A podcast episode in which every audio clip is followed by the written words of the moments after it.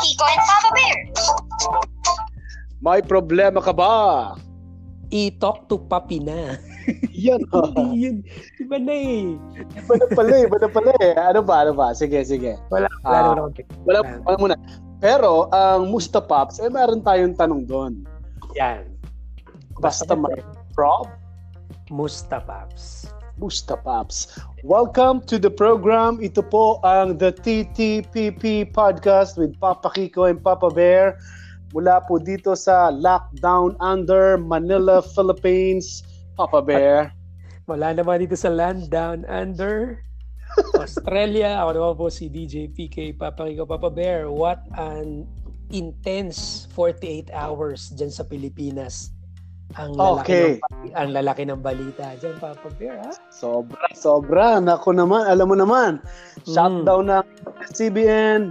Mhm. Maraming react. Hat, alam mo, hati ang mga, hindi ko masabing hati eh, pero maraming uh, nagsasabi na okay daw yan dahil marami silang fake news. Pero uh, iba naman, ah, ah, parang ma- ma- mahal talaga nila ang panonood. Siyempre, ikaw man at ako, papaki ko, lumaki ka rin kay Sedi. Kay Ah, oo. Princess, di ba? Oo naman, eh. Siyempre, pag 4.30 na, ang TV na. Oo naman, lumaki rin ako dyan. Oo, yung mga, mga kabats ko yung mga yan, eh. Okay. Yeah, oo. Mga matindi, matindi ang discussion. cartoons na cartoons na Tagalog, Mm. mga ani- anime, di ba? Diyan halos natin napanood yung mga siniskwela. Lahat, oo. Pati ang ah, pamilya Von Trapp na magaling kumanta. Diyan napanood eh. Oo. At diyan ko rin naging, diyan ko rin naging shota si ano, si si Badong ng tabing ilog. Ay, oo nga pala, Brad, tabing ilo. Grabe Oo. yun. Oh, yeah. Grabe yung pag-Sabado. Mhm. Anyway, uh, ano man ang inyong ah, reaction dyan, ah, isa lang ang, ah, ang marirealize natin, nangyayari ang mga bagay na hindi inaasahan. Wala Oo. talagang i- wala talagang indispensable dito yung tipong nandyan ka na forever. Hindi talaga natin sasabi sa panahon ito, Papa Bear. So, Oo. we need we need to make the most out of it. Ika nga, i-enjoy natin habang nandyan. Appreciate. Di ba? Totoo yan? Hindi. Parang ano, parang buhay din yan, di ba? Habang nabubuhay tayo, um, gawin mo ang best mo dahil hindi mo alam, baka bukas, wala ka na rin, wala ka na rin sa mundo. Mga ganong bagay, di ba? Baka wala ka na rin franchise bukas.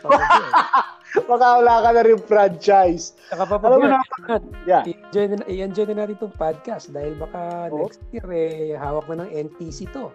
Oo nga, eh, alam mo, napapaisip ako sa mga ganyan. Eh, paano na lang pati yung mga ah, vloggers, podcasters, baka mahawakan na rin ng ano ng NTC, baka mamaya hingan ka na rin ng franchise. Oh, Kaya- may channel ka sa YouTube. Ah, Kailangan na namin ano yan. Hawakan ng mga, mga channels nyo. Kailangan parehistro mo yung channel mo. Kailangan may tax. Pero hindi malayo yun, Papa Bear. Ha? Alam mo naman, lahat ng bagay na nagiging threat sa gobyerno, sa sa security ng ban- bansa at ng tao, eh, minsan nasisequester yan eh. Mhm. So, Possible. Kasi alam mo, Oo. Kasi dyan sa ang on China nga di hindi makapasok at ang Facebook diyan eh. May sarili Oo. silang ano ah, may sarili silang social media app na ginagamit. Mhm. Hindi ata makapenetrate eh. Bawal, bawal. So, Okay. tama yung sinabi mo. Tama yung sinabi mo. Samantalahin na natin ang mga podcast. Samantalahin na natin ang V81 Radio. Oo, mga pala, maraming salamat sa mga nanood last uh, Sunday sa ating third episode ng uh, Mustapaps sa b81radio.com. Maraming salamat po. Ang sarap, ang nag-enjoy ako. Ang dami tawa, ang dami natin natutunan. At excited na ako, looking forward sa ating uh, episode number 4. Sana magka-sponsor na tayo. Oo, yun ang, ang iniisip ko dahil uh, syempre pag may sponsor tayo, eh, partner na natin yan. Sa mga adlib natin, mababanggit, mababanggit natin yan. Pati sa podcast, mababanggit din natin sila. At saka iba yung bagsakan ng mga banatan kapag may sponsor eh, no? Iba yung iba yung drive eh, no? Iba, parang nakakabuhay ng dugo. Ngayon, Oo. warm up muna ako eh. Nag-warm up muna ako ngayon. Although wala pa tayong sponsor, nag-warm up muna ako bago magsimula talaga sa program para may energy ako. Pero pag may sponsor, kahit walang one, warm up, talagang Yun masaya ang program. pakiramdam ko, Papa Bear, parang unlimited yung punchline ko pag may sports. ako din. Unlimited ang punchline mo. Parang ako din. Tapos pag drama tayo, parang dalawang oras puro punchline. Ganun. Masaya. Iba yung dating noon. Kaya iniimbitahan po namin lahat na maging part ng programa ng Musta Pops sa V81 Radio, maging sponsor kayo or presenter o kaya naman dito sa aming munting podcast na marami nakikinig, uh, TTPB Podcast, Happy nyo lang po si Papa Bear. PM lang kayo sa My Brother Bear or Papa Bear Live. Yeah. kay DJ Papa Rico for any inquiries kung gusto nyo maging major yeah. sponsor or main presenter ng the TTPP podcast. Pwede, pwede. Or may tinatawag sila dyan. Kung baga, ano eh, supporter. Kung gusto yung supporter, ginagamit din sa gym. Tapos sa uh, Nakakatawa yun. Uh, support us. pwede nyo kami maging, pwede nyo kami supportan by, uh, bahala na kayo kung meron kayo dyan isa-send. Uh, pwede naman nating pag-usapan niya at pwede rin nga yung ano eh, naisip ko rin yung uh, meron kang gustong i-promote. Mm-hmm. Pwede natin yeah. gawa ng paraan na may interview, di ba? Pwede natin isali sa ating podcast ngayon at sa ating yes. media. Yeah, so, Oo, magagawa na natin ang paraan kasi may na may may uh, meron na ako naisip na paraan na ginagawa din ng iba. Pwede mm-hmm. nating magawa rin na may in- interview na tayo habang nag-TTPP podcast. Ayan. So, okay. So, alright. Ito naman. Uh, balik tayo sa ating kwentuhan ngayong uh, gabi, umaga, tanghali, hapon. Anong oras? Oh, wait lang. Anong oras na dyan sa'yo? Papaki ko sa Land Down Under, Australia. Uh, as we speak uh, today, uh, tonight, at this moment, 8.23. Yes. So, oh. oh, ng gabi. Okay lang sa'yo ganitong oras or pa ano ka paluto ka na ng pansit canton yan, kumakain ka, ano ginagawa? Mamaya ating gabi pa yung pansit canton ko. Uh, nakapag-dinner na ako ng light. Ano na ako ngayon? Uh, light, ha? Light? Natanda ko yung light dinner na yan, ha? Oo. Pabagyo tayo, kasama natin si Sir Glenn. Tapos? Sabi mo, Tapos, Sir Glenn, ah, sabi, kaya na kayo, Bear and Kiko. Siyempre tayo dalawa, eh, sinama tayo sa Baguio. Ah, para oh, serve yung mga mga Talk to Papa programs. Okay. Kasi gagayahin nga natin sila eh, di ba? Sabi, Sir Glenn, kain ka na. Sabi mo naman, ah, Sir Glenn, ah, light lang, light lang. Light lang, nakadalawang rice, dalawang ulam, man. Light, ha? iba na noon yun, Pops. Iba na yung mga 12 years ago. Sa ngayon, ngayon talaga kailangan, hindi hindi lang pa-effect na yun eh. Ngayon, kailangan i-light mo lang ang kain mo talaga eh. Uh, pero ano ako, Papa Bear, nag-observe ako ng, ano, ng every 4 hours na small meal. Ah, okay. Uh, ano yan, di ba may program yan eh? Uh, wala namang program, pero wala namang formal or official or may napanood ako or gano'n walang tawag dito. Mm-hmm. Naisip ko lang na lang rice pero every 4 hours na konti-konti. Okay. Ayan. Kaya nakikita mo ako minsan sa mga pinopost ko eh, nahuhuli mo akong pumapakan. uh, na, lumiletus, lumiletis, ganyan. Wow. Mm. Tsaka ano ha, nakikita ko alas dos kumakain ka, papakay ko alas dos na madaling araw.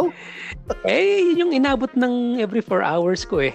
Ah, okay. Pwede siya. Basta every 4 hours. Ah, paano karami yung diet mo na yan?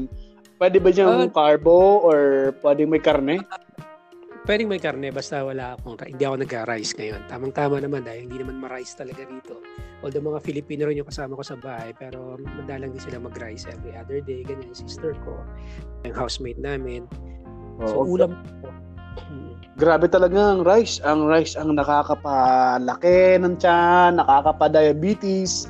May mga yan. kayo. Hindi po yan lahi namin yan ha. Merong oh. merong doc, may doctoral degree ang mga lolo't lola ko ng diabetes kaya ayoko nang manahin yon. Yun nga iniiwasan ng generation namin magpipinsan dahil kami yung uh, third generation ba tawag doon. So kami daw yung uh, uh, direct uh, recipient ng award. yung generation mo. Oo, oo. Ano, lo, ano, ano, Paps, oh, tat, tatlong lola ko ang amputated, yung naputulan ng... Ay, ano. grabe. Tatlong lola? Mm-hmm. Tat, isang lolo, dalawang lola. So, talagang lahi namin yan, Papa Bear. Kaya yeah. kailangan ko kailangan ko na mag-ingat at 36.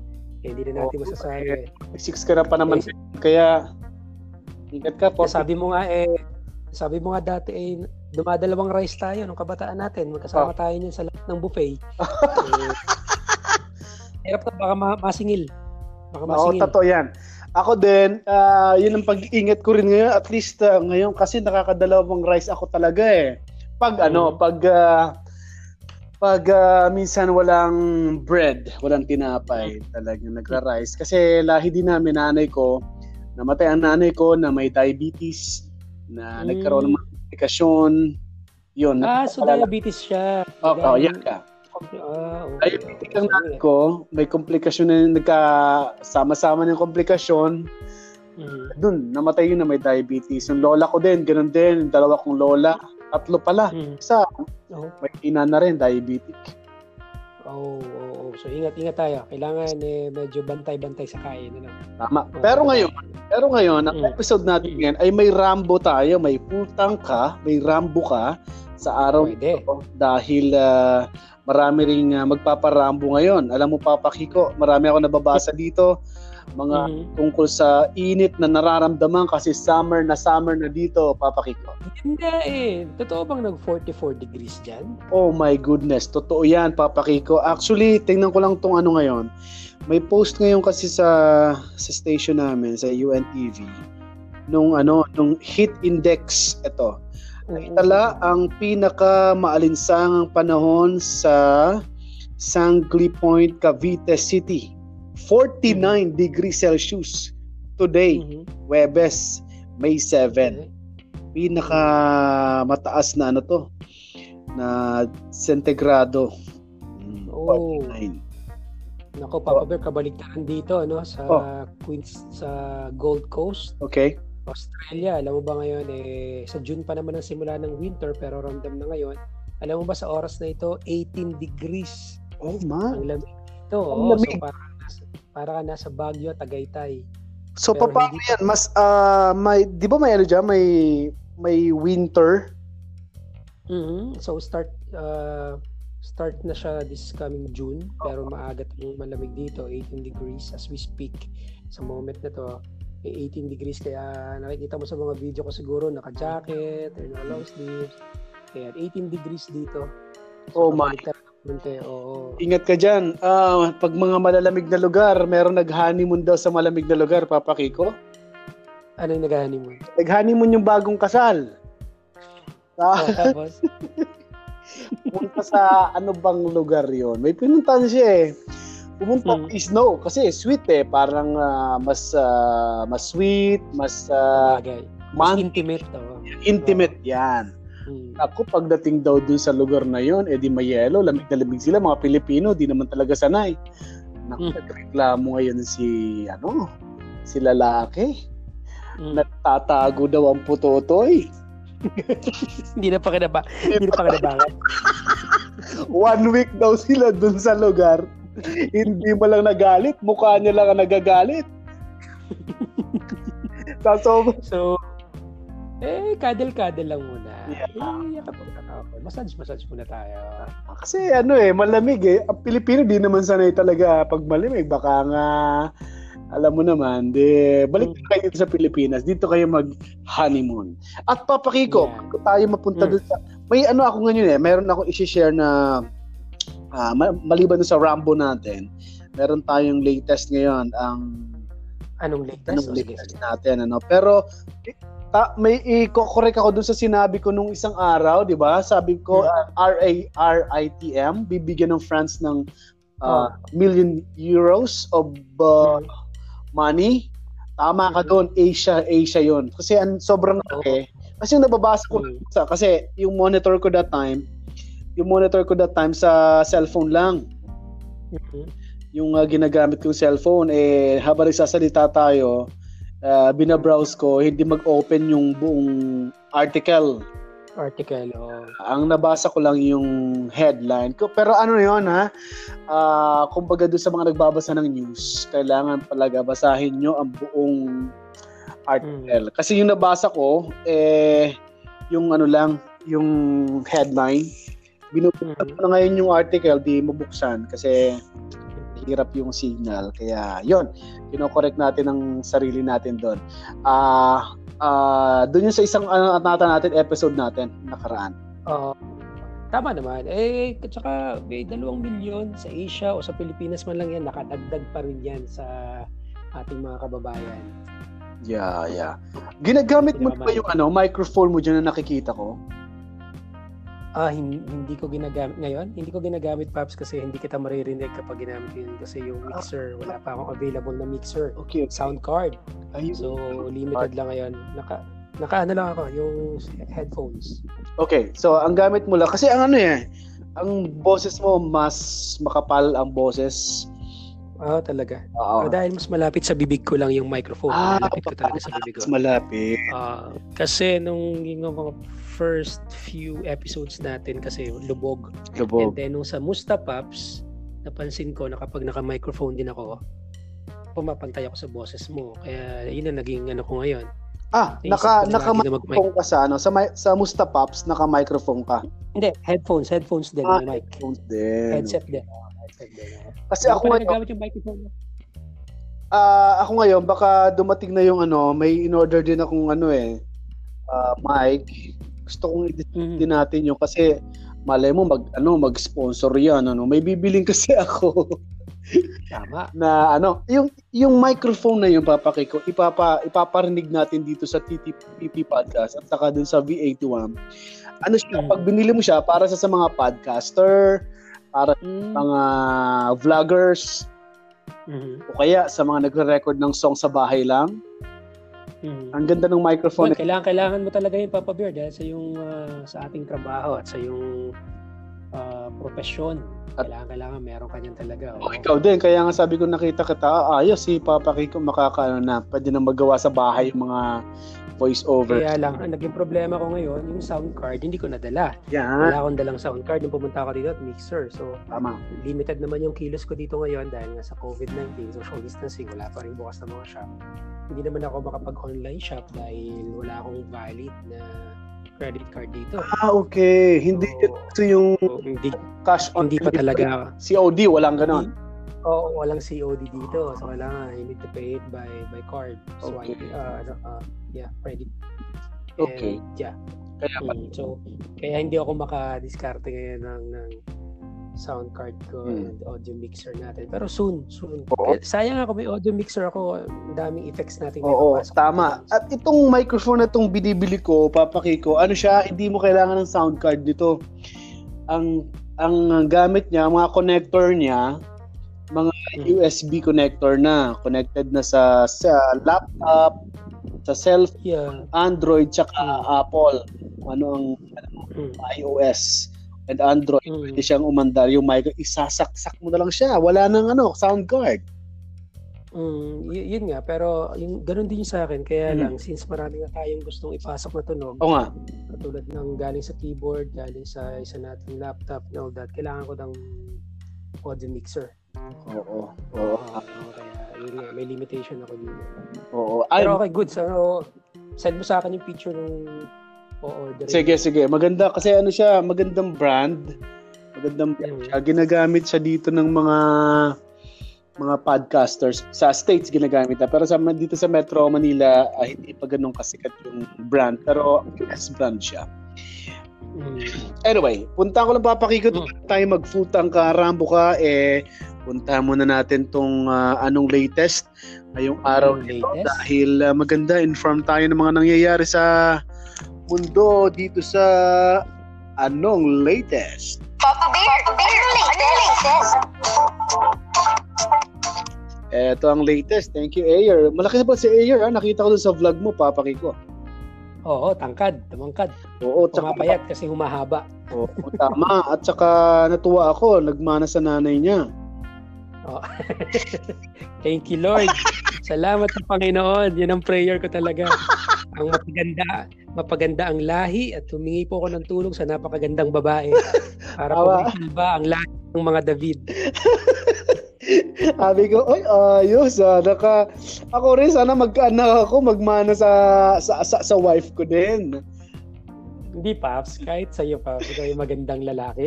eh, ako talaga kailangan natin humingi ng tulong sa ibang lahi kasi kung iaasa ko lang sa noo ko at ilong ko, ay wala pong mararating ang Lagi ko. ano. Pero natuwa ako, sabi ko, oh, talaga naman. Magaling, magaling pagkakabiyak ng uh, mga uh, chromosomes. Oh, dimples lang ang naiambag ko doon. Ay, at least may dimples talaga naman. Panalo. Eh, nakakatuwang bata yan, nakakatuwang bata. Ano ba siya? Nahihilig ba siya sa music, sa radio? Oh, magaling kumanta yung bata, marunong din siyang mag-gitara at nakakapag-keyboard din ng konti. Kaya lang, umalis ako, so walang naka, wala na ngayong nag, uh, nagbabantay sa kanya para gawin yun. Pero okay lang, hindi ko siya pinipilit. Okay. Nice. Isa nga sa mga, isa nga sa mga plano namin ngayon, ngayong after nitong COVID is yung mag, maglagay ng sarili namin studio sa bahay ng wife ko. Oo. Kasi yung wife ko kumakanta rin siya, so gusto rin niya talaga magkaroon ng sariling studio just for for hobby lang. Hmm. Tama, tama. Tama, tama. Para sa bahay na gawin. Okay. Ito, uh, puntaan ko lang tong up- updated na numbers ng mga infected papakiko ng COVID-19. Alam mo, 10,000 ba dito. At mm-hmm. 4 p.m., May 7, 2020, 10,343 mm-hmm. cases ngayon. Total number of cases ng COVID-19. May mga naka-recover naman na 1,618 pero ngayong araw mas uh, ang total number ng naka-recover ay 112. Pero ang, tot- ang total mm-hmm. na nila sa mga nagumaling 1,618. Ang mga mm-hmm. patay, umabot na sila sa 685. 20 hmm. ngayong araw, eh, 27 ngayong araw ang bagong uh, deaths ng COVID-19. Hmm. Grabe na kung araw-araw 27 ang namamatay, nakakatakot 'yun. Ayun, so? Walang ibang kaya dito yung coverage ng ng station namin, yung mga kasi ang daming pumipila pa pakiko dun sa S uh, SAP SAP Social Amelioration Program. Mm.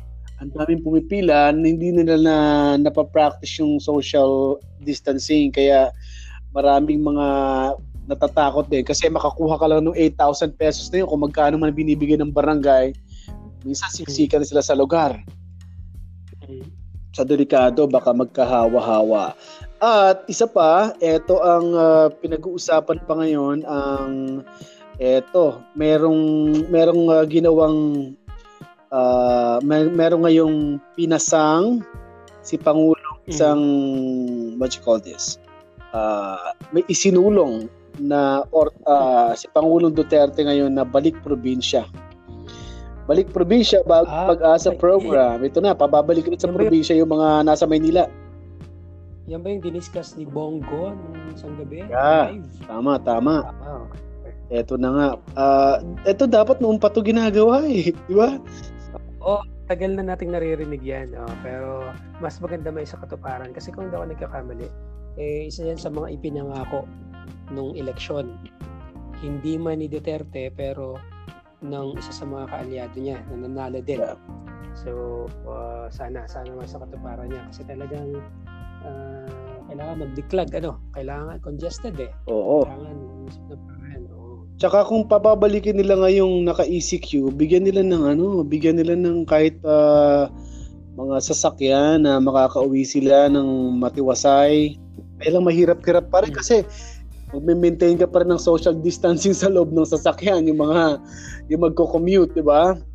Mm-hmm. So, mahirapan talaga to. Uh, medyo challenging yan, pero masarap pakinggan. Masarap. Oh, uh, yung iba kasi, natin. minsan kasi nagsiksikan dito sa Manila, ang dahilan magandang hanap, magandang buhay eh. Akala nila pagdating nila sa Maynila, okay ang buhay, pero nung uh, nagtagal, wala. Mm. Uh, wala ng trabaho, nahihirapan. Yun nga eh. Alam mo, isa sa mga ano, isa sa mga ano, parang parang uh, blessings na in disguise na nangyari sa akin nung natapos yung buhay ko sa LS. Mm-hmm. Tapos bumalik ako ng Quezon. Mm-hmm. Doon ko talaga na-appreciate na yung magandang plano ng Diyos para sa akin dahil dahil yun nga, mangyayari itong mga gantong bagay. So, alam mo yun, after mo ma-experience ang Manila ng 10 years, bumalik ka ng probinsya, marirealize mo talaga at magkakaroon ka ng magandang comparison eh, kung paano mabuhay ng magkaiba. So, yun talaga na-appreciate ko ngayon yung buhay sa probinsya.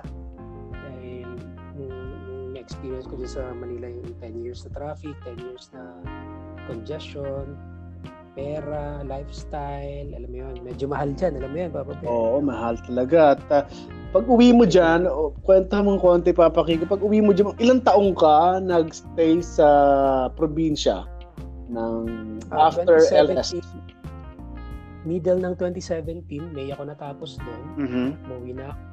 So, middle yun. So, May eh. Nasa gitna ng 2017 hanggang 20 yung, yung January. So, sabihin, two and a half years. Papa Bear. Two and a half years akong nasa Lucena. Yan. So, yun. Bago ako pumunta rito. Okay, at least uh, ano, no, medyo na-relax yung sa isip mo, kasama mo na family mo, kasama mo na mga Mm. magulang mo, di ba? At saka yung ano, yung lumabas yung iba mo iba mo pang galing kasi you cannot bank on to your to what you used to do eh, 'di ba? Hindi hindi lang well, kahit nag-radyo pa rin ako sa Lucena, pero marami akong ibang ginagawa. Bumalik ako sa hosting, back to basic ako, Paps, kahit mga wedding, bingo, bumalik ako dyan. Oo, kinakahiya Oo nga, no? pero nakita ko sa Facebook mo no na may mga hosting jobs ka no sa Lucena. Good thing, pagbalik ko ng Lucena, merong kumuha sa akin isang grupo Nice. na, na nag-organize ng mga kasal. Oh, meron silang catering service Okay. sa kanila na rin yung sa kanila na rin yung mga organizer ako yung naging official host nila nice. so dal- dalawang group dalawang grupo yung nakausap ko gano'n so kasi kung meron maliit sa probinsyang talent fee pero kung meron kang mga dalawang beses sa isang linggo noon eh malaking tulong Oh. so hindi katulad sa Manila um, isang hosting mo lang okay na Mm. so dito uh, pinagkasya ko talaga naging naging manager din ako ng opisina ng kapatid ko Mhm. maliit na office, naging ano ako, alam mo yung mga taga-bayad ng bills, Oo, oo, oo, maganda rin negosyo 'yan ah. yung SSS, GSIS, Mhm. ako nagbabayad ng opisina ng sister ko. Hindi, meron siyang mga empleyado, ako yung nag-aasikaso ng mga mga government remit. Mhm. So, doon, naging, naging racket ko din yun. Marami pa, marami pa ako naging racket sa loob ng dalawang taon. Kumbaga, Kung mawala ka sa LS, mas marami ka pang nagawa. mas marami pang na-discover sa Yeah, sarili ko na tama. pwede kong gawin. So, Okay. Yan talaga. Look at the brighter side. Oh, Sorry, Papa Bear. Balik tayo dyan. So, okay, okay. Kaya natanong ko naman yun eh, na yung nagawa mo. Ito, Hmm. Gusto kong gusto kong malaman kung lumaki ba ang tiyan mo nung bumalik ka diyan. Anong nag-Lucena ako talaga, nagkaroon ako ng, ano, nagkaroon ako, Paps, ng ano, ito naman eh, ah, nagkaroon ako ng depression. Oh, Yan. oh my. Oo. Nagkaroon ako ng, nagkaroon ako ng depression. Kaya, ngayon, pag ako ay depressed, pag ako ay malungkot, ang tendency ko ay kumain. Okay. Oo. So, nagkakaroon ako ng comfort eating. Mm. So, at saka kumikilos kasi wala ako sa mood. So, lumobo ako. Lumobo ako. Oo. So, minsan sasenda kita ng picture ko sa Lucena. Sa Andre, So, di ko pa nakitang lumobo ka na ganun eh. ah, hindi lang, hindi naman yung lobong-lobo kasi hindi ko naman nahayaan ganun. Pero nari, nakita ko sa sarili ko nung tinitingnan ko yung mga ano. At saka, alam mo yung nagkaroon, ka, nagkaroon ako ng depression. eh, Ano no, wait lang. Anong dahilan ng depression? Well, syempre, nag, that time kasi ah, dumating sa point nagkaroon ng deterioration stage yung marriage ko noong 2017. Ah, tapos marami akong problema financially and then umalis ako sa LS tapos ah, wala wala akong malaking pera that time to to start to start again to restart kasi nga nasanay tayo ng may maayos na sweldo sa Manila and then bumalik ako na Lucena so I have to restart everything financially So, I need to scratch, you know, start from the scratch ulit tayo. So, to make both ends meet ika nga, gumagawa tayo ng paraan. So, another depression yun. Tapos, inaayos ko yung marriage ko. Tapos, uh, yun, yun, physically, physically din. Uh, tapos, hindi ko rin alam ang gagawin ko noon. Dumating yung point, Papa Bear, na hindi na hindi na ako, hindi ko, hindi ko na alam kung anong masaya. Mm. Again, halimbawa, may kausap ako, Okay.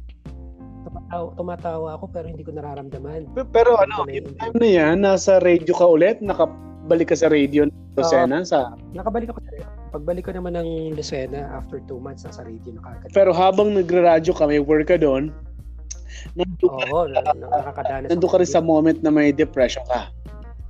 Oo, nagkaroon ako ng depression noon. So, talagang uh, nag inayos ko yung aking relasyon. Inayos ko rin yung relasyon ko sa Diyos. Inayos, nag-reconnect din ako sa Diyos. Mm. So, doon muna talaga ako nag-start. So, inayos ko muna talaga yung sarili ko. Okay. Tapos, yung time na yun, wala akong makuhang trabaho na magsusustain ng buhay namin dati. So, uh, nag-a-apply ako. Wala pa akong diploma. So, gusto kong magturo. Hindi naman ako gusto akong kunin pero wala naman akong karapatang magturo. Mm. So, radyo lang talaga yung binalikan ko noon. So, pero buti na lang din, itong registration na to, ito rin yung naging stepping stone ko para makabalik sa school. Ito rin yung nagpahiram sa akin ng pera para makapagsimula uli, bayad ng schooling ko. So, So, a blessing in disguise eh. Napakaliit na registration compare sa LS. Pero ito, registration ito talaga, ito yung nag-absorb oh. sa akin. Na- naririnig ko yun eh. Kapag uh, nag-land uh, travel kami, ano, naririnig ko yung Spirit oh. FM. Malakas ang signal oh, ng pass hanggang part ng Bicol, Laguna, mm-hmm. Cavite, Batangas. Tawid kami hanggang Marinduque. When you say, ano, when you say, so, when you say maliit, ano yan? Diyan lang siya? Hindi siya Di ba? Uh, uh, when I say maliit, well, kasi galing tayo ng okay. LS. Alam mo naman. So, yung comparison, yung talaga, yung dichotomy talaga, kita-kita mo yung pagkakaiba talaga. Pero ang best thing about nun, Papa Bear, balik punta tayo sa stasyon.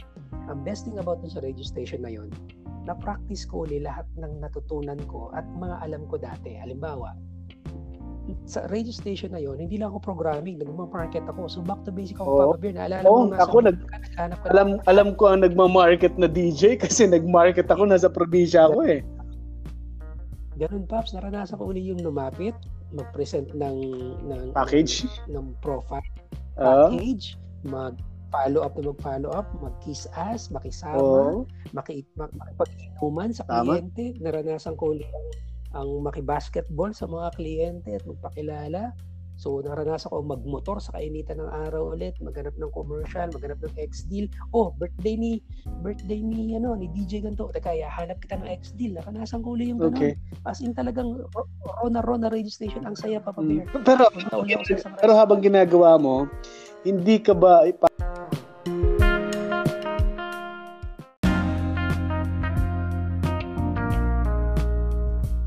And Papa Kiko, yung tanong ko kanina na uh, ulitin ko lang kasi nagka-problema lang tayong konti sa signal. Hello, Papa Kiko? Sige, uh, ano sabi mo, hindi ba ako nag nawala? Yeah, okay. Uh, na, na, nag back to basic ka nga, no? Uh, sabi mo na masaya ka.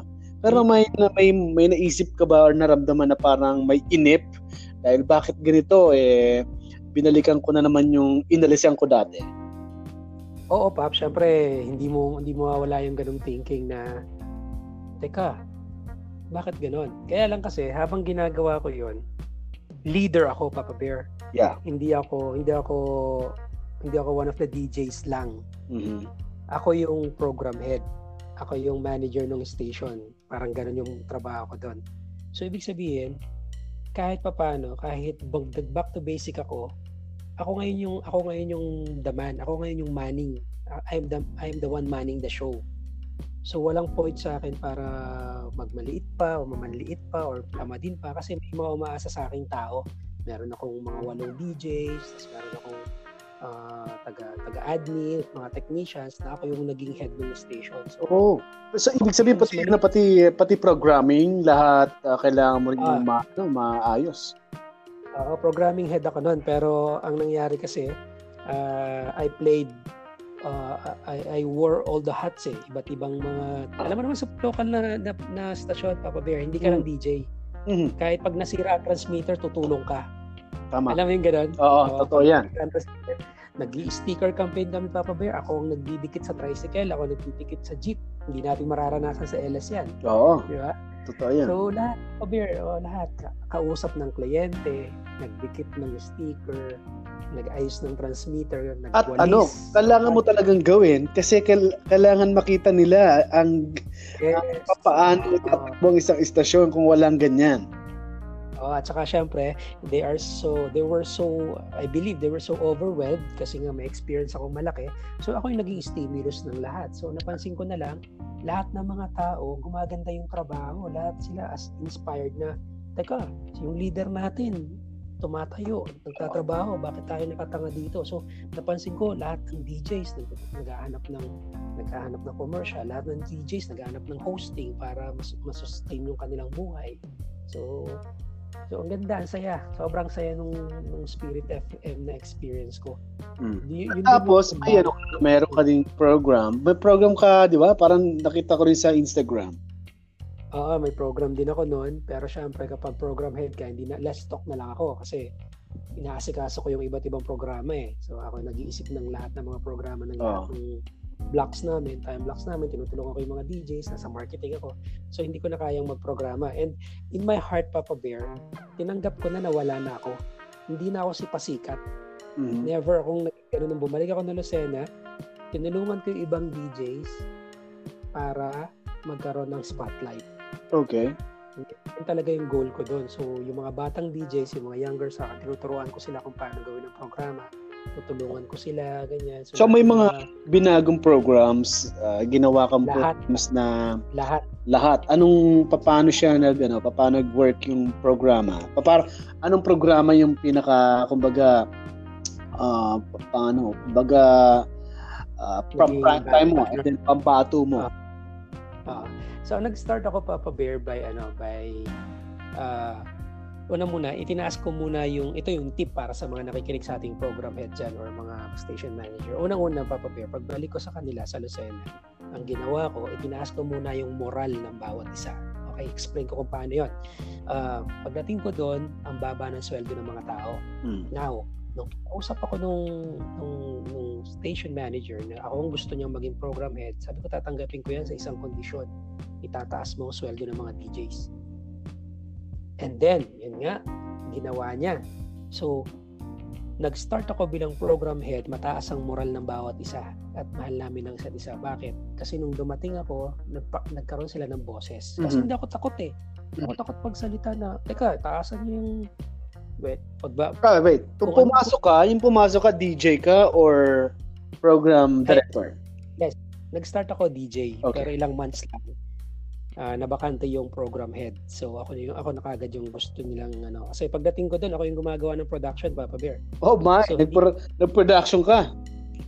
Oo, ako yung gumagawa ng commercial, gumagawa ng plug, mm. lahat ng hindi ko nagawa sa LS, ako ang gumawa doon. So marami pala akong kayang gawin. Yung Bu- idea ko sa isip ko. At buti na lang, buti na lang papaki ko, nung mga DJs tayo noon, nag, nagpo-production tayo. Mm, malaking bagay talaga. Kaya yung mga DJs ngayon na microphone lang ang alam, on and off lang ang microphone ang alam, eh, I can say na, teka, may edge tayo dito sa mga taong to. Kasi katulad ko, kahit hindi ako frontliner na ngayon, kahit lagay mo ako off mic, akong gagawa, kaya akong gumawa. So, radyo pa rin yung ginagawa ko. So yun, pagdating ko doon, hindi ako DJ, after ilang months, naging program head ako. So, isa lang ang condition ko. Tataas, tataasan natin ang sweldo ng mga DJs ko. Hindi man ganun kalaki, pero tumaas. So, mataas ang moral ng bawat isa. Doon ko ngayon ipinasok lahat ng mga gusto kong mangyari. Bakit? Kaya ko nang gawin at kaya ko nang sabihan sila kung anong kailangan nilang gawin kasi tinulungan ko kayo magkaroon ng kahit pa paano competitive na sweldo. Yan. So nagkaroon ako ng ano ngayon ng ng boost sa sarili ko na na i-oblige ang isa na gawin ito, ayusin ang trabaho dito, ganyan. So nagkaroon ako ngayon ng ng designation sa bawat isa o ikaw hindi ka lang DJ dahil mahilig ka sa Facebook ikaw may hawak ng social media o ikaw naman magaling ka dito magse-sales ka so lahat distribute ko yung trabaho at kung titingnan mo yung Spirit FM Lucena ngayon ramdam na ramdam yan sa buong Quezon ngayon. Yeah, so dahil dun sa ginawa namin. So ayun. So kumbaga yung sobrang blessing talaga yung pagpunta ko ng Spirit FM Lucena. And and in return and in return in fairness si yung Spirit FM din ang tumulong sa akin para makabalik sa school. Okay nang tumulong sa akin financially kapag meron akong kay pangangailangan. So ano yun? Uh, tinuloy mo yung course na hindi mo natapos before mm-hmm. start ng as DJ sa LS Oo, tinapos ko siya. So, one year akong bumalik sa school, nakakuha na ako ng diploma, tapos nag-enroll ako ng masteral, isang SEM, Uh-oh. dahil nga magtuturo ako. Kaya lang, pumunta na ako ng Australia, so hindi na ako nakapag-enroll ng second. So, ang plan mo pala so, noon, uh, mag-masteral, and after masteral mo, magtuturo ka. Kaya lang, eto na, nag, uh, nag-offer na ang Australia, uh, green up mo na ngayon. Oo, so talagang plano ko talaga noon sa education ako kasi yung sister ko, doctor of education din siya, principal ng isang pinakamalaking school sa Quezon. So, Okay. Nasa linya, nasa lahi namin, nanay ko teacher doon, saka mahilig din talaga akong magturo. So ito lagi para sa akin, feeling ko vocation ko to. So sabi ko, sige Lord, mag, uh, magtuturo na lang ako. Give me a chance para maka mag-masteral. Ayun nga, pinahiram na naman ako ng pang-enroll sa masteral. Bawas sa sweldo, okay. Ayun lang. And then ito naman pala, darating yung time na uh, pupunta pala ako ng Australia. Okay. Ngayon, uh, para lang sa kaalaman mo at kaalaman ng lahat, isa sa mga isa sa mga dahilan kung bakit ako na-approve dito ay dahil naging station program head ako ng Spirit FM. Alright. Ah, yun yung approved na sa visa, ganun ba? Oo, kasi kailangan mong patunayan sa kailangan mong patunayan sa immigration na hindi ka pupunta para magtrabaho dito lang ano. Okay. Pupunta ka o kailangan meron kang obligasyon sa Pilipinas na bayad ka pa tapos kailangan competitive ka. So ah, kaya ako nag-enroll ng Christian Ministry dahil ako ay program head ng isang Catholic station sa Lucena. So connected siya. Okay. So, na-approve ako. Kumbaga, ang bait ng Diyos.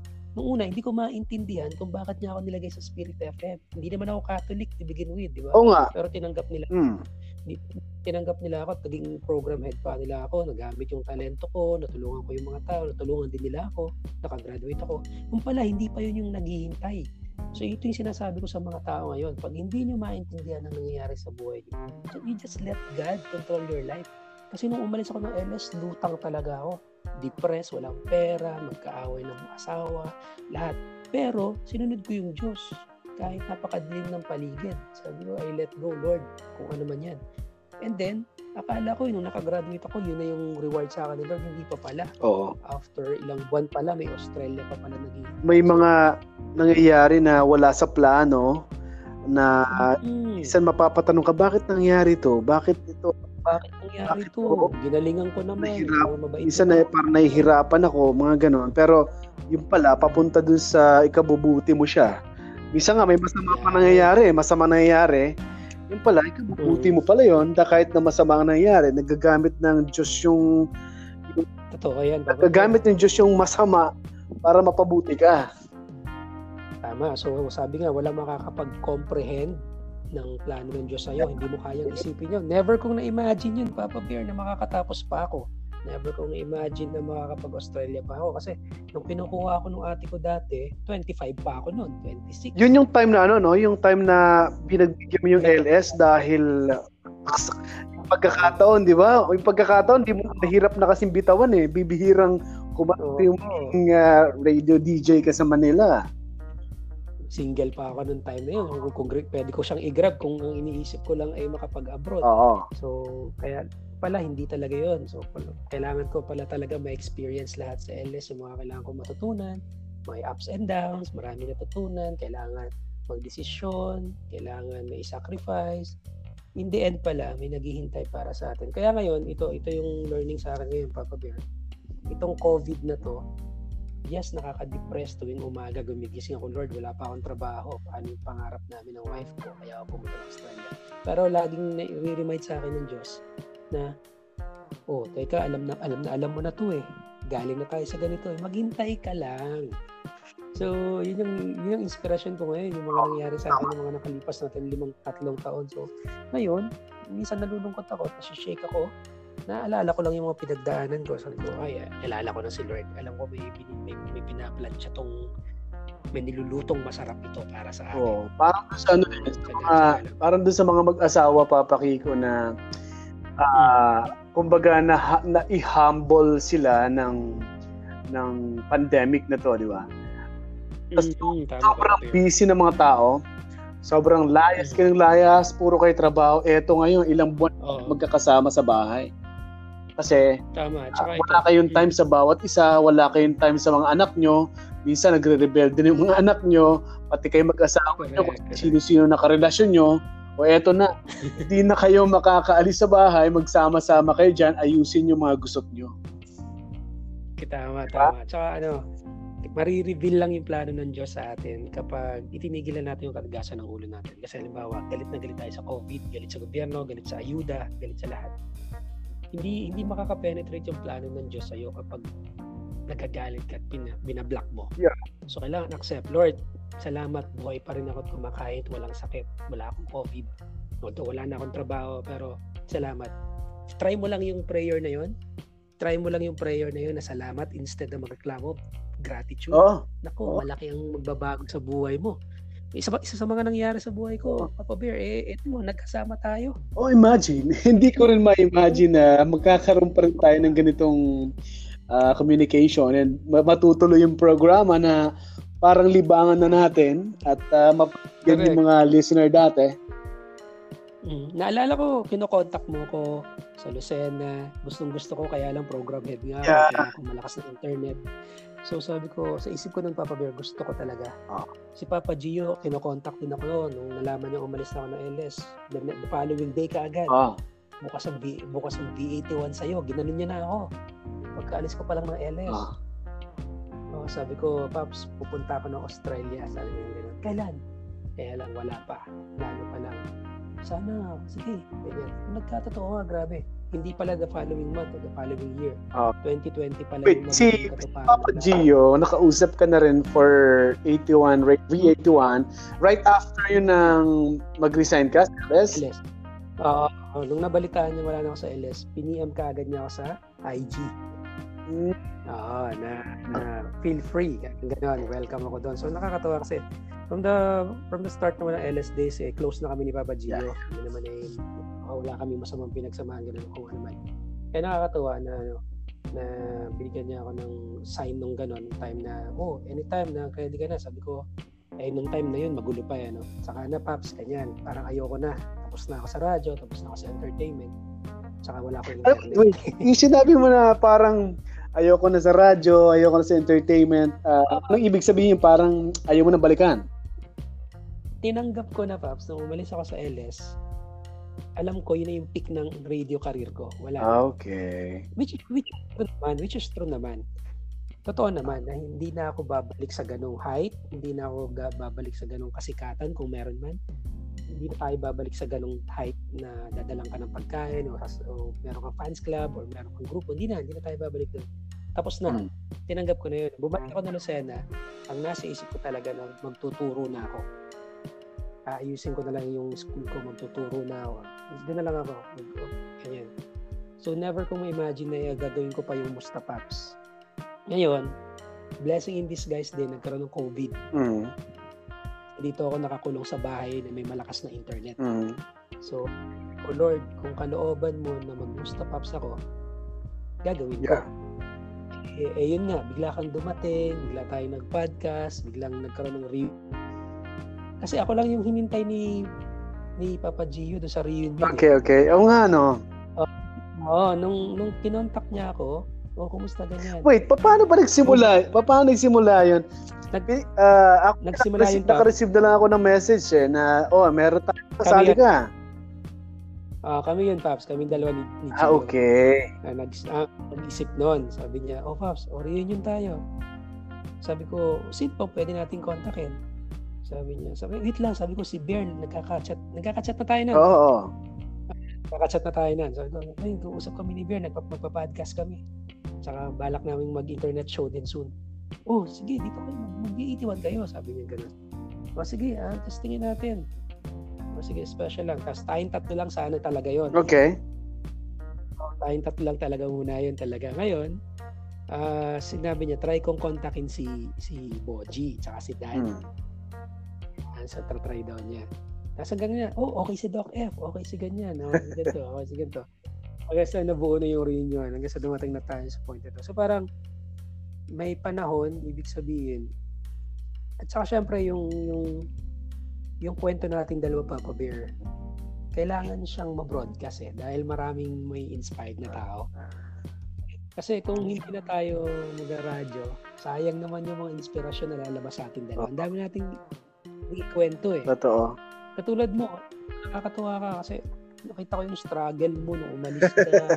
tapos, kaya, di ba binibiro kita na, grabe, anchor na, anchor na. Alam mo, piniplayed sa akin talaga. Ah. sobrang saya, sobrang saya nun. Fulfilling talaga yon Yun talaga ang gusto kong makita. Na, oh, lahat yung grupo natin, kahit papano, nasa maayos na buhay. Di ba? Even Tolitz, hanggang sa moment na to, hindi ako nawawala ng Oo, si Tolitz. Siyempre, kasama din natin yon Eh, naging katrabaho, uh, naging ka-joke-jokean ko rin yun kasi naalala ko doon, oh. hindi kami nung ganun ka-close ni Kiko, ni ano eh, ni, uh, ni, ni, si, si Tolitz. Pero nakaka, hmm. nakakaano ko siya, nakakabiruan ko siya. Kasi pag, oh. pag nakakabiruan ko kasi isang tao, kahit pa paano, kumbaga naka, napa, na, ano ko siya na doon yung time para pwede kami mag-usap. Nakakabiruan ko eh, mm. hindi ko makalimutan na nakakabiruan ko si Tolitz yung So, nagsusulat ko sa ano sa Facebook niya. 'Di ba isang computer ginagamit natin sa LS, 'di ba? Sa sa booth. Uh, uh, Halimbawa, pagkatapos niya papalit naman ako parang computer shop lang. Pero pakakalimutan open uh, nakakalimutan niyang i-log out yung ano uh, yung Facebook tapos uh, sabi ko sasabihin ko ano ba naman tong Facebook na to may deactivate na nga to tapos, bigla siyang, bigla siyang titingin, yung pagmumukha niya nandun, visit ka talaga, Papa Bear. Ayos. So, si Papa Tolis, tama sabi mo, no? hindi ka dapat ma... Hmm. Ako din, ako din. Pangarap ko na, well, hindi pa huli ang lahat para sa kanya. Hindi, hindi. Kasi alam naman natin nangyari kay Papa Tolis. Uh, nung makita ko nga siya sa hmm. television, sabi ko, oh my goodness, bakit ganito? Ako din, pa. Yeah, bakit nasabi niya yung kung kailan na lumabas siya sa national TV, uh, ito, dati mm. naman lumalabas, di ba? Pero, para sa pa, parang yung, yung nabanggit yung pangalan, eh, mm. ganito pa. Sabi ko, ano, Kaya, hindi pa uli ang lahat para makapagbago. Hindi pa. Ako, alam na alam mo naman, daming ganyang kwento sa Bible. Eh. Si Paul lang, dating matay tao yun. Eh. Oo, ano yun eh. Mga, pinatay niya mga, pinatay niya mga Kristiyano eh. Pero mga 3-4 ng Bible siya sumulat. Halos 3-4. Saka diba? sobrang ano, sobrang daming mga sa Bible kasi daming mga ano ni Paul eh. Si Paul ang hmm. leader kasi si Paul. So ang daming mga hindi niya main hmm. ang daming hindi maintindihan ng ibang mga apostol na ginawa yeah. sinulat niya. Saka yun nga yung learning sa ating mga tao. Kaya kayo mga kababayan natin nakikinig ngayon, kung meron kayong kakilala na sinusubukang ayusin ang sarili niya, pagbigyan nyo, huwag niyong i-judge. Huwag niyo siyang tingnan na sa dati niya. Kasi 'di ba, parang uh, Papa Kiko, puro kalokohan ka tapos ngayon Bible Bible ka or Papa Bear, bumura ka nga dati tapos ngayon sasabihan mo kami ng pol-pol. so hindi ganoon eh. 'Di ba? 'Di ba? Right, right, right. Ngayon, katup be like Jesus Christ. Pag tinitingnan tayo ni Jesus Christ, lagi may pag-asa. Kasi kung hindi siya tumitingin sa atin may pag-asa, matagal na tayong tinalikuran. Tama. At kapag ikaw ang tinalikuran ni Kristo, eh wala, kawawa ka, hindi ka mabubuhay nang wala siya. Anyway, papakiko at uh, napakagandang kwento noon. Alam mo, mag-iisang oras na tayo pero nag enjoy ako. Eh, total, total, sa, sa atin naman tong podcast na to, no? kahit abutin pa tayo ng marami, marami oras, no problem. Baka mamaya ay eh, hawakan na rin talaga ng NTC ang mga podcast and vlogs. okay, sige. Tapusin natin to kayo dito. Pero babalik tayo maya-maya sa ibang vlog para na masarap. Yeah, pero ito Papa Kiko ay ihabol kong isa na huli kong huli uh, huling item ah. ko for our uh, latest. Anong oh. latest? Ang anong latest natin sa huli ay ito na ngayong araw nito siguro habang habang alam mo kasi Papa Kiko dito sa building namin dito ka-lockdown kami no for almost mag uh, one month and a half na. Eh, naliligo ako, nakamonitor ako sa, lagi sa social media, may nagbulumabas na breaking news. Ang ABS-CBN ngayon ay humiling ng TRO, sa Supreme Court, yeah. upang pigilan uh-huh. ang uh, implementasyon ng cease and desist order mula sa National Telecommunications Commission yan ang mangyayari. Eh, tingnan natin kung uh, magkaroon nga ng pagpigil sa implementasyon ng uh, cease and desist order o yung pagpapatigil ng broadcast ng ABS. Pero alam mo kasi, para sa akin, ano eh, ma- ma- malaking usapin to mahirap mag- mag- magaling-galingin sa mga ganitong bagay papakiko no pero sa the way I look at it ang tingin ko ang nagkaroon talaga ng malaking pagkakamali dito yung Congress. Kasi yung NTC sumunod lang sa Congress. Ang batas, ang batas na sinunod ng NTC uh, dahil may mga hindi walang batas na nagsasabi na uh, may may prang, makakapag may ma, approve ang prangkisa nyo o hindi eh yung batas ng ng Congress eh wala ngayong batas. Ang sinunod ngayon ng NTC ang Congress. Eh di pa tigilin ng ano ABS-CBN so yun ang nangyayari at saka maganda yan maganda yan ito lang naman ang hinihintay eh you ask for yeah. tama tingnan natin ang mangyayari ngayon kasi option naman talaga yon so baka naman yun lang talaga ang hinihintay yeah bakit tayo papataasan ng ihi kung meron kang 11,000 na umaasa sa'yo, oh. di ba? Tsaka, o meron ako isa share ng mabilis sure, go, go, go. Alam mo yung station ko dati, naglag, magla, naglaps din ng ano niya, okay. prangkisa niyan, pero nag-renew. Nag-renew. Okay. Ngayon, isa sa pinakakalaban ni Duterte yung stasyon oh. namin dahil Catholic station. Catholic station okay, okay. to alam mo naman. Oh. Di ba? Pero pero, nag-submit sa gobyerno. Yeah. So, eh, number one, number one kalaban dati yan. Alam na alam natin ang kwento niya ng mga Oo, Pinagmumura pa nga ni Duterte yung iba eh.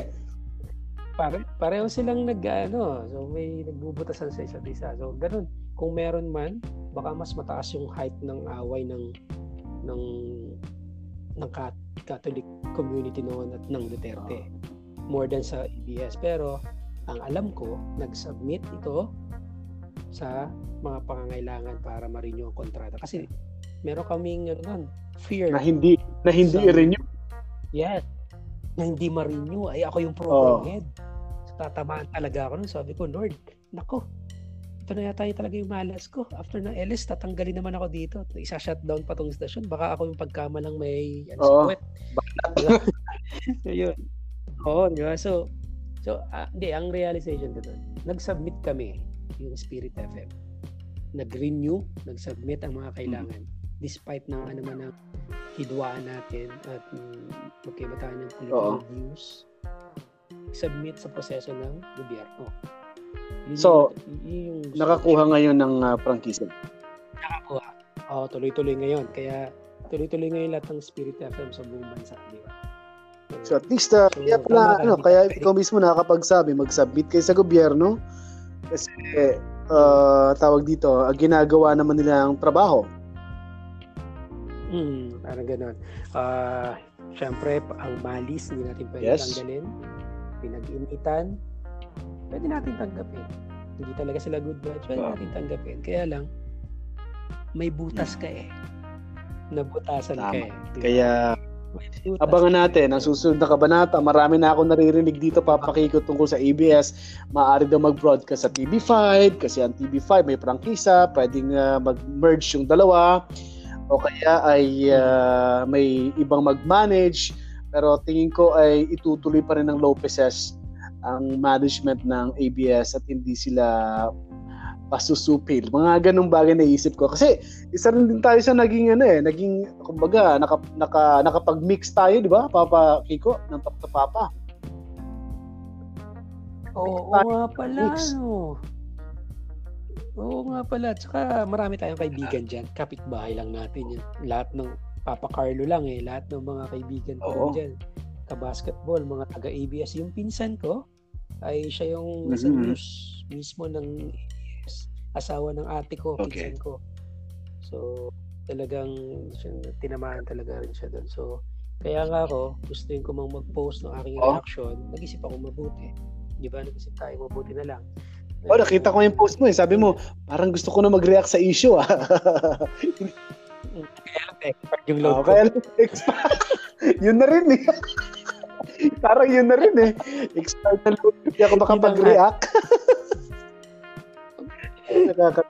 okay, papakiko, bago tayo matapos, uh, yung pre-namis nating Rambo, pwede mo siya makita dun sa post natin na uh, dahil lagi sila sa akin ipopost ko to ng 8pm.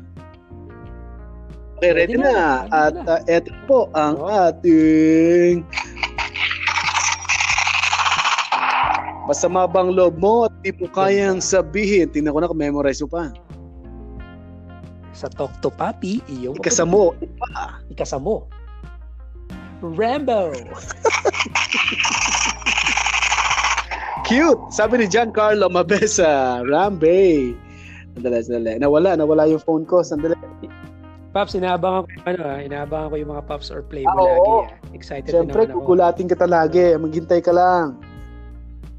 Mabu Sige, sige. Si Erickson Diana, ipaparambo ko lang yung init, instant free sauna sa kwarto ko. Sabi ni Erickson Diana mula sa My Brother Bear na page, full tank ka, rambo ka. Sabi naman ni Giancarlo, ipaparambo ko lang yung kapitbahay naming mabagal yung wifi. Wow, nakiki, nakiki-wifi ka na lang, reklamo ka pa ha? Pultang ka, rambo ka.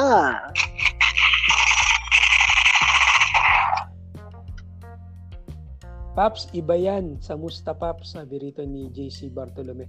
Okay, ah, Leo Garcia, paparambo ko lang si Kalida kung ano ang pinangit ng mukha, pati pagkatao. Full tank ka, rambo ka. Anthony Garin, ipaparambo ko lang yung mga kapitbahay ko sa Prima Vida. Inubos lahat ng alak ko. Anim, mga uhaw. 330 isa nun. At sabi naman ni Dexter, ipaparambo ko si uh, Alm Almezi, Charles Kaling. Happy, happy na, birthday pa. Ipaparambo ko lang yung nagbigay ng ayuda. One to sawa, kami ng tuna. Panalo, buti nga kay tuna. Yung iba, sardinas, di ba? Kaya, kaya, Oo, lag- kaya. lagyan mo ng lettuce yan, lagyan mo ng ah, itlog. Wow! Oh, panat, full tank ka, rambo ka.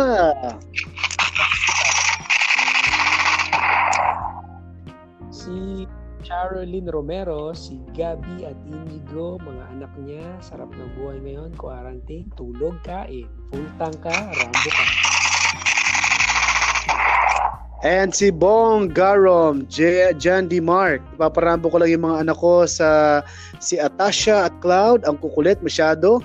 Si Bong Garom naman, Paps, paparambo, ko kaka, ipaparambo kong kapitbahay namin, napakaingay sa gabi.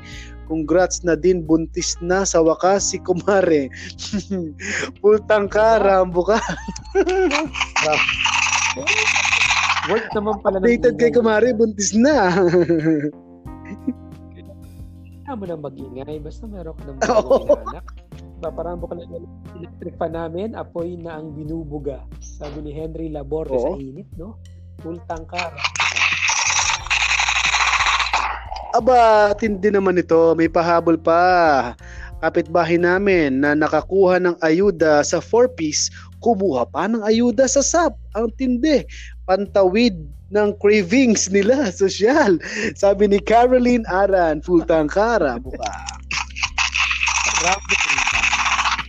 Yan ang mga ilan, Papa Kiko, sa mga Rambo people natin. Mm, salamat. Ihabol ko lang si Alain Villanueva de la Cruz galing to sa Facebook naman. Maraming salamat. Okay, masama ba ang loob mo? Sa Talk to Papi, iyong paputukin. Kasabo, Rambo. Rambo. Abangan tayo sa V81 Radio Facebook page, uh, app, sa app, sa YouTube. Yes. Live tayo every Sunday, 9 p.m. dito sa Philippines, ang lugar na naka-lockdown. At syempre sa Australia, Yeah. 11 p.m. yan. At sa ibang bahagi ng mundo, maraming salamat again. 9 p.m. every Sundays, Musta Pops sa www.v81radio.com. Again, sa ating mga kababayan na gusto maging part ng ating programa as presenter or sponsor, pwede po kayong mag-PM kay Papa Bear kung paano kayo magiging presenter ng the, the, the TTPB podcast. Mga announcement nyo and uh, anything about your program, pwede namin kayong interviewin dito sa TTPB podcast. PM lang po kayo for more information sa aming mga Facebook pages. Okay. At uh, yun, uh, pwede, saan ka pwedeng ma-follow, Papa Kicks, sa yung mga social media accounts and vlogs? Ayun, ako ay nasa DJ Papa Kiko sa Facebook. Puntahan niyo lang yan. And then DJ Papa Kiko sa YouTube. Minsan-minsan may mga upload tayo dyan. Pero gusto ko yung maging friends. So, punta tayo sa DJ Papa Kiko. I-invite niyo lang ako. Yeah. Add niyo At ma- para makita nila ang pagpatay mo ng mga langaw sa Australia, ang pakikipag-usap sa mga ah, mga ibon, pati ibon kinakausap mo na ha, matindang epekto sa ng COVID ha. Matindi, Pops. Matindi. Kailangan ko na magkatrabaho. Hindi, kung buti kina kasunod mong kakausapin. Uh, buti na lang, may V81 at uh, Talk to Papi podcast tayo, di ba? Kahit pa paano, pilibangan ka. Tama, yeah. tama. Excited ako dito. Yes, thank you. And uh, next episode, uh, abangan sa isa pa next siguro, mga sa ibang araw pag naayos namin ang mga schedule. And uh, follow me naman sa aking Facebook page, Brother Bear Live. And Instagram, Brother Bear Live. And Twitter, Live Brother Bear. At ngayong 8pm, live naman ako sa radiolaverda.com hanggang 10pm para sa aming special coverage ng COVID-19. And thank you, Papa Kiko, sa iyong time. Ingat ka rin, Papa Bear. Maraming salamat. Ingat po kayo mga kababayan. Stay safe, stay healthy. I love you. We love you. All Jesus right. loves Thank you, Papa Thank Kiko. You. And this is the TTPP podcast on Spotify. Bye-bye.